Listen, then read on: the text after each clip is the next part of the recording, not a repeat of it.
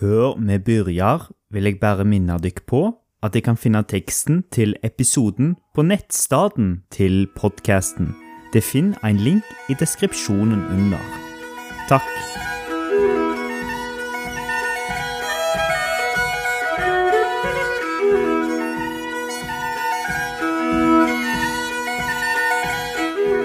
Hei, og velkommen til Lær norsk nå. En podkast for viderekommende for å høre autentisk norsk gjennom spennende materiale. I denne episoden skal vi se på et økonomisk konsept kalt for Jevons paradoks, eller effektivitetsparadoksen. Først, altså først, skal vi se på hva det er. Deretter ser vi litt på hva konsekvenser det har for økonomien og generelt. Jevons paradoks skjer når enten teknologisk utvikling eller regjeringspolitikk fører til en økning i effektiviteten i bruken av en ressurs, altså at en får igjen mer for mindre bruk av denne ressursen. For eksempel kan en finne opp en bil som bruker bensin mer effektivt, altså at bilen kan kjøre lenger på mindre bensin. En skulle tro at ved å øke effektiviteten ville ressursbruken minke, altså at en bruker mindre bensin dersom bilene bruker bensinen mer effektivt. Det er derimot det omvendte som skjer som oftest. En økning i effektiviteten fører også til at en bruker mer av den, ettersom etterspørselen øker. Den første som skildra fenomenet, var den engelske økonomen William Stanley Jevons i boka hans Kål-spørsmålet fra 1865. Dette var i en periode med stor økonomisk utvikling og vekst i England på grunn av den industrielle revolusjonen. Jevon kunne da se hvordan den kjappe teknologiske utviklinga påvirka økonomien, og han var spesielt opptatt av kål. Han så at betringer i effektiviteten til dampmaskinene øka etterspørselen etter kål, noe som førte til større kålproduksjon. For mange var Jevons konklusjon skremmende, ettersom det var flere i Storbritannia som var redde for at landet skulle bruke opp kålreservene. Noen eksperter peker derimot på at økt effektivitet ville føre til mindre kålbruk, og at det dermed ikke ville bli noe problem. Jevon sin konklusjon var derimot motsatt. Større effektivitet fører til større bruk av kål. Dermed kunne en ikke regne med at økning i effektiviteten ville løse problemet med at det ble mindre og mindre kål i landet. Økonomer kan også se fenomenet i dag. For eksempel kan vi gå tilbake til den bensineffektive bilen. En har sett at konsumere pleier å bruke bilen mer dersom de er mer energieffektive, noe som skaper økt etterspørsel for bensin. En økning i effektiviteten vil føre til at det blir billigere å reise med bil, og folk reiser derfor også lenger. Jevons-paradoksen inntreffer dersom det blir brukt mer av ressursen, i dette tilfellet bensin, enn minkinga av den på grunn av effektivitetsøking. Dette er et noe forenkla bilde av situasjonen, ettersom andre faktorer også kan spille inn. Noen har i dag tatt til orde for, altså fremme, energieffektivitet som en måte å akselerere utviklinga mot en grønn og fornybar energiøkonomi. FN uttalte seg i 2007 at energieffektivitet var den største, mest jevnt fordelte og billigste energiressursen. En skulle jo tro at dersom energibruken til ei lyspære går ned, vil en spare mer energi. Verdens økonomiske forum har også fremmet energieffektivitet, og annet pekt på at kjøleskap i USA i dag bruker omtrent tre fjerdedeler mindre energi enn gjennomsnittet i 1975. I tillegg er det 20% større og koster 60% mindre. Alle parter ser ut til å vinne på det. Likevel har en i den samme perioden som effektivitetsauking av kjøleskap også sett at det har blitt solgt langt flere kjøleskap på verdensbasis. Det kan dermed se ut som effektivitetsauking faktisk skader miljøet i stedet for å redde det, slik som FN og Verdens økonomiske forum har lova. Igjen ser en hvordan Jevons paradoks spiller inn. Mye i Jevons paradoks ser ut til å være knytt til priser. Når det blir billigere å bruke noe pga. effektivitetsauking, kan en bruke den mer. For eksempel gjorde effektivitetsaukinga av dampmaskinen det mer lønnsomt å bruke den til å produsere industrivarer. En kunne da produsere mer og tjene mer penger, og fikk da også råd til å kjøpe flere dampmaskiner, som igjen førte til at en måtte bruke større mengder med kål. Prosessen går i en slags sirkel men det at varen blir billigere å bruke, er nok kanskje den mest fundamentale, altså viktigste, i Jevons paradoks. Skipper, en akademiker innen økonomi, mener derimot at Jevons paradoks ikke er like aktuelt i dag. Jevons levde midt i den industrielle revolusjonen, med stor vekst innenfor energibruk og industri. I den moderne, digitaliserte og globaliserte verden vi lever i dag, er det ikke lenger slik at større energieffektivitet fører til større bruk av ressurser.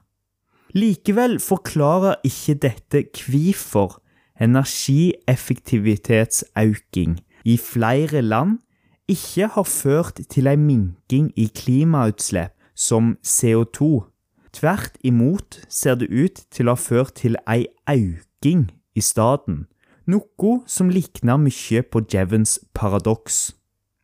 En grunn til dette er at mange har et for snevert, altså smalt syn, på det større bildet.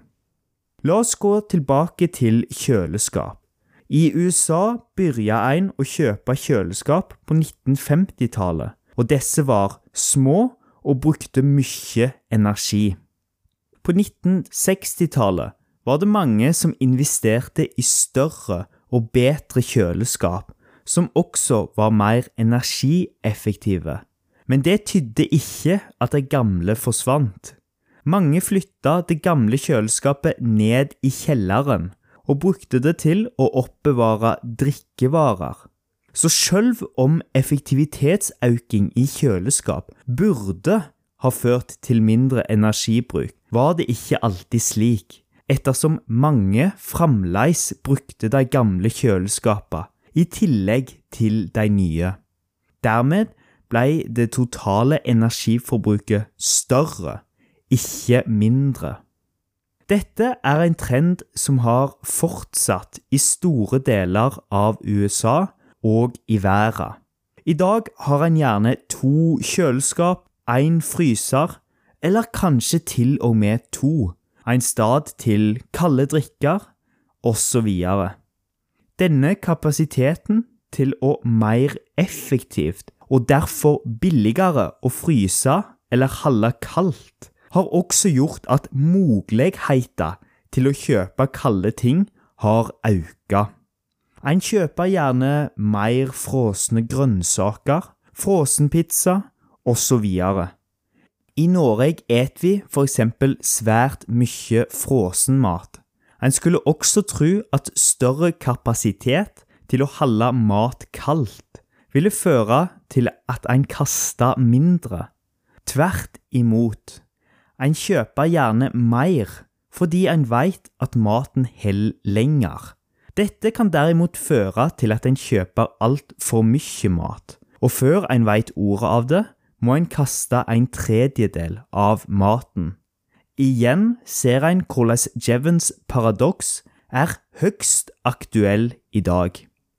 Matsvinn, altså kasting av mat, er et av de største miljøproblemene vi har i dag. Det er da interessant å se at per innbygger matkasting har økt mye siden 70-tallet, og i dag blir 40% av all mat i USA kasta. Ved å kaste denne maten forsvinner for det første selve energien, kaloriene, i maten, ettersom det ikke blir brukt. I tillegg var all den energien en brukte til å kjøle ned maten, bortkasta.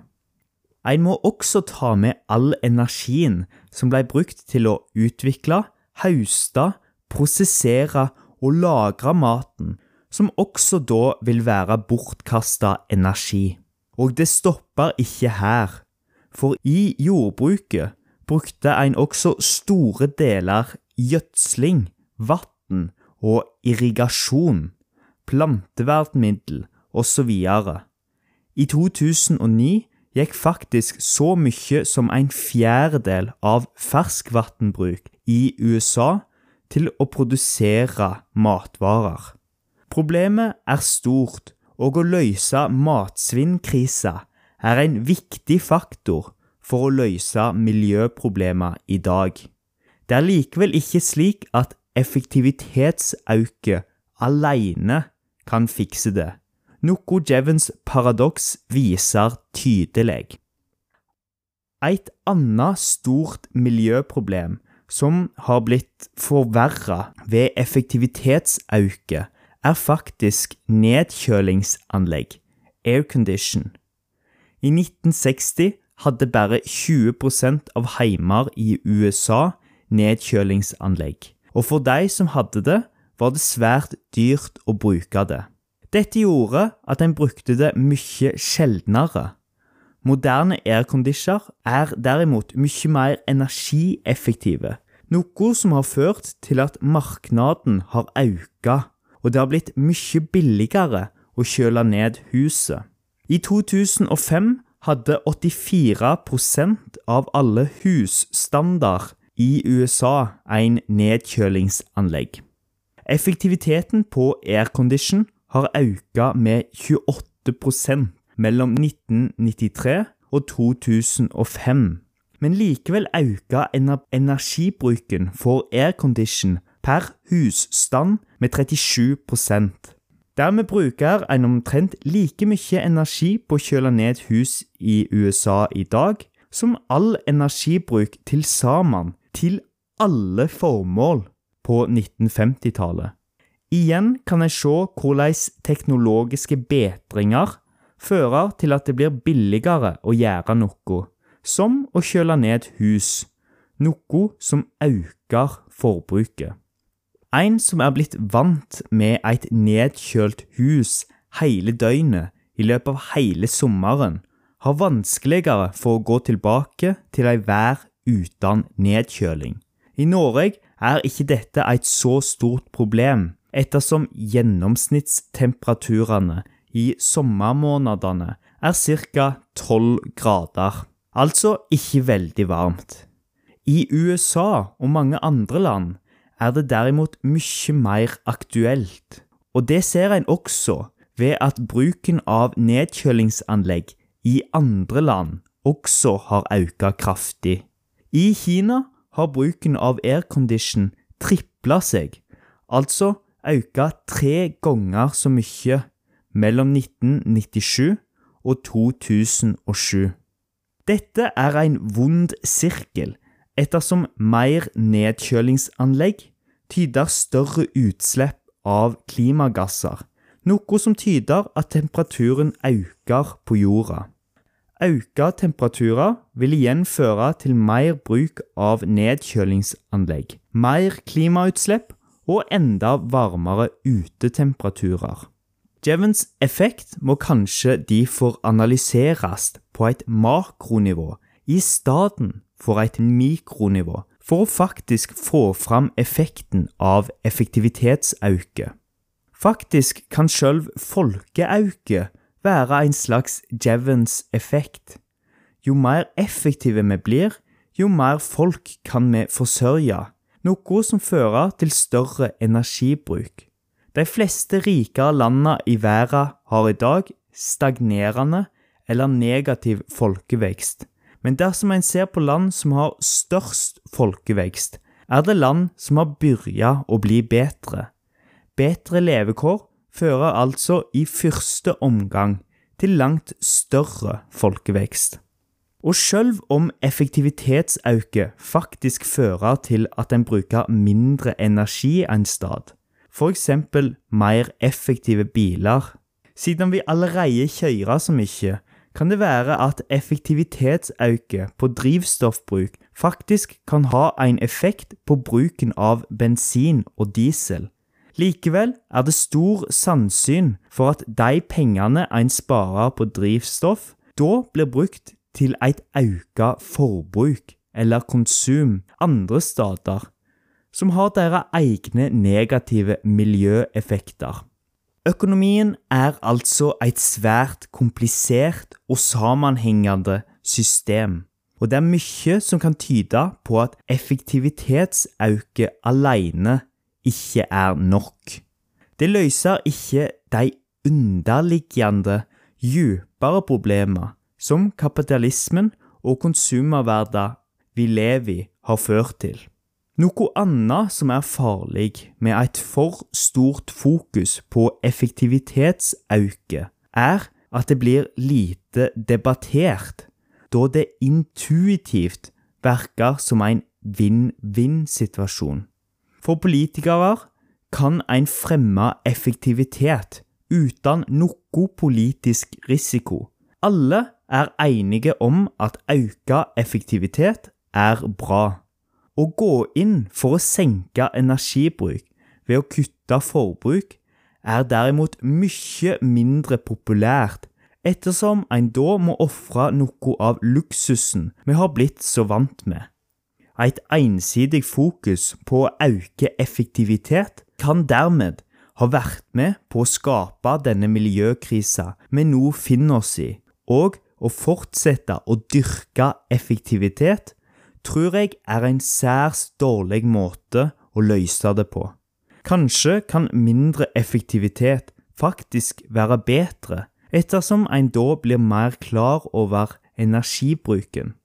Dersom kjøleskap var mindre og brukte mer energi, måtte vi også ha tenkt mer på hvor mye vi kjøpte inn av varer. Kanskje vi da også hadde kasta mindre mat?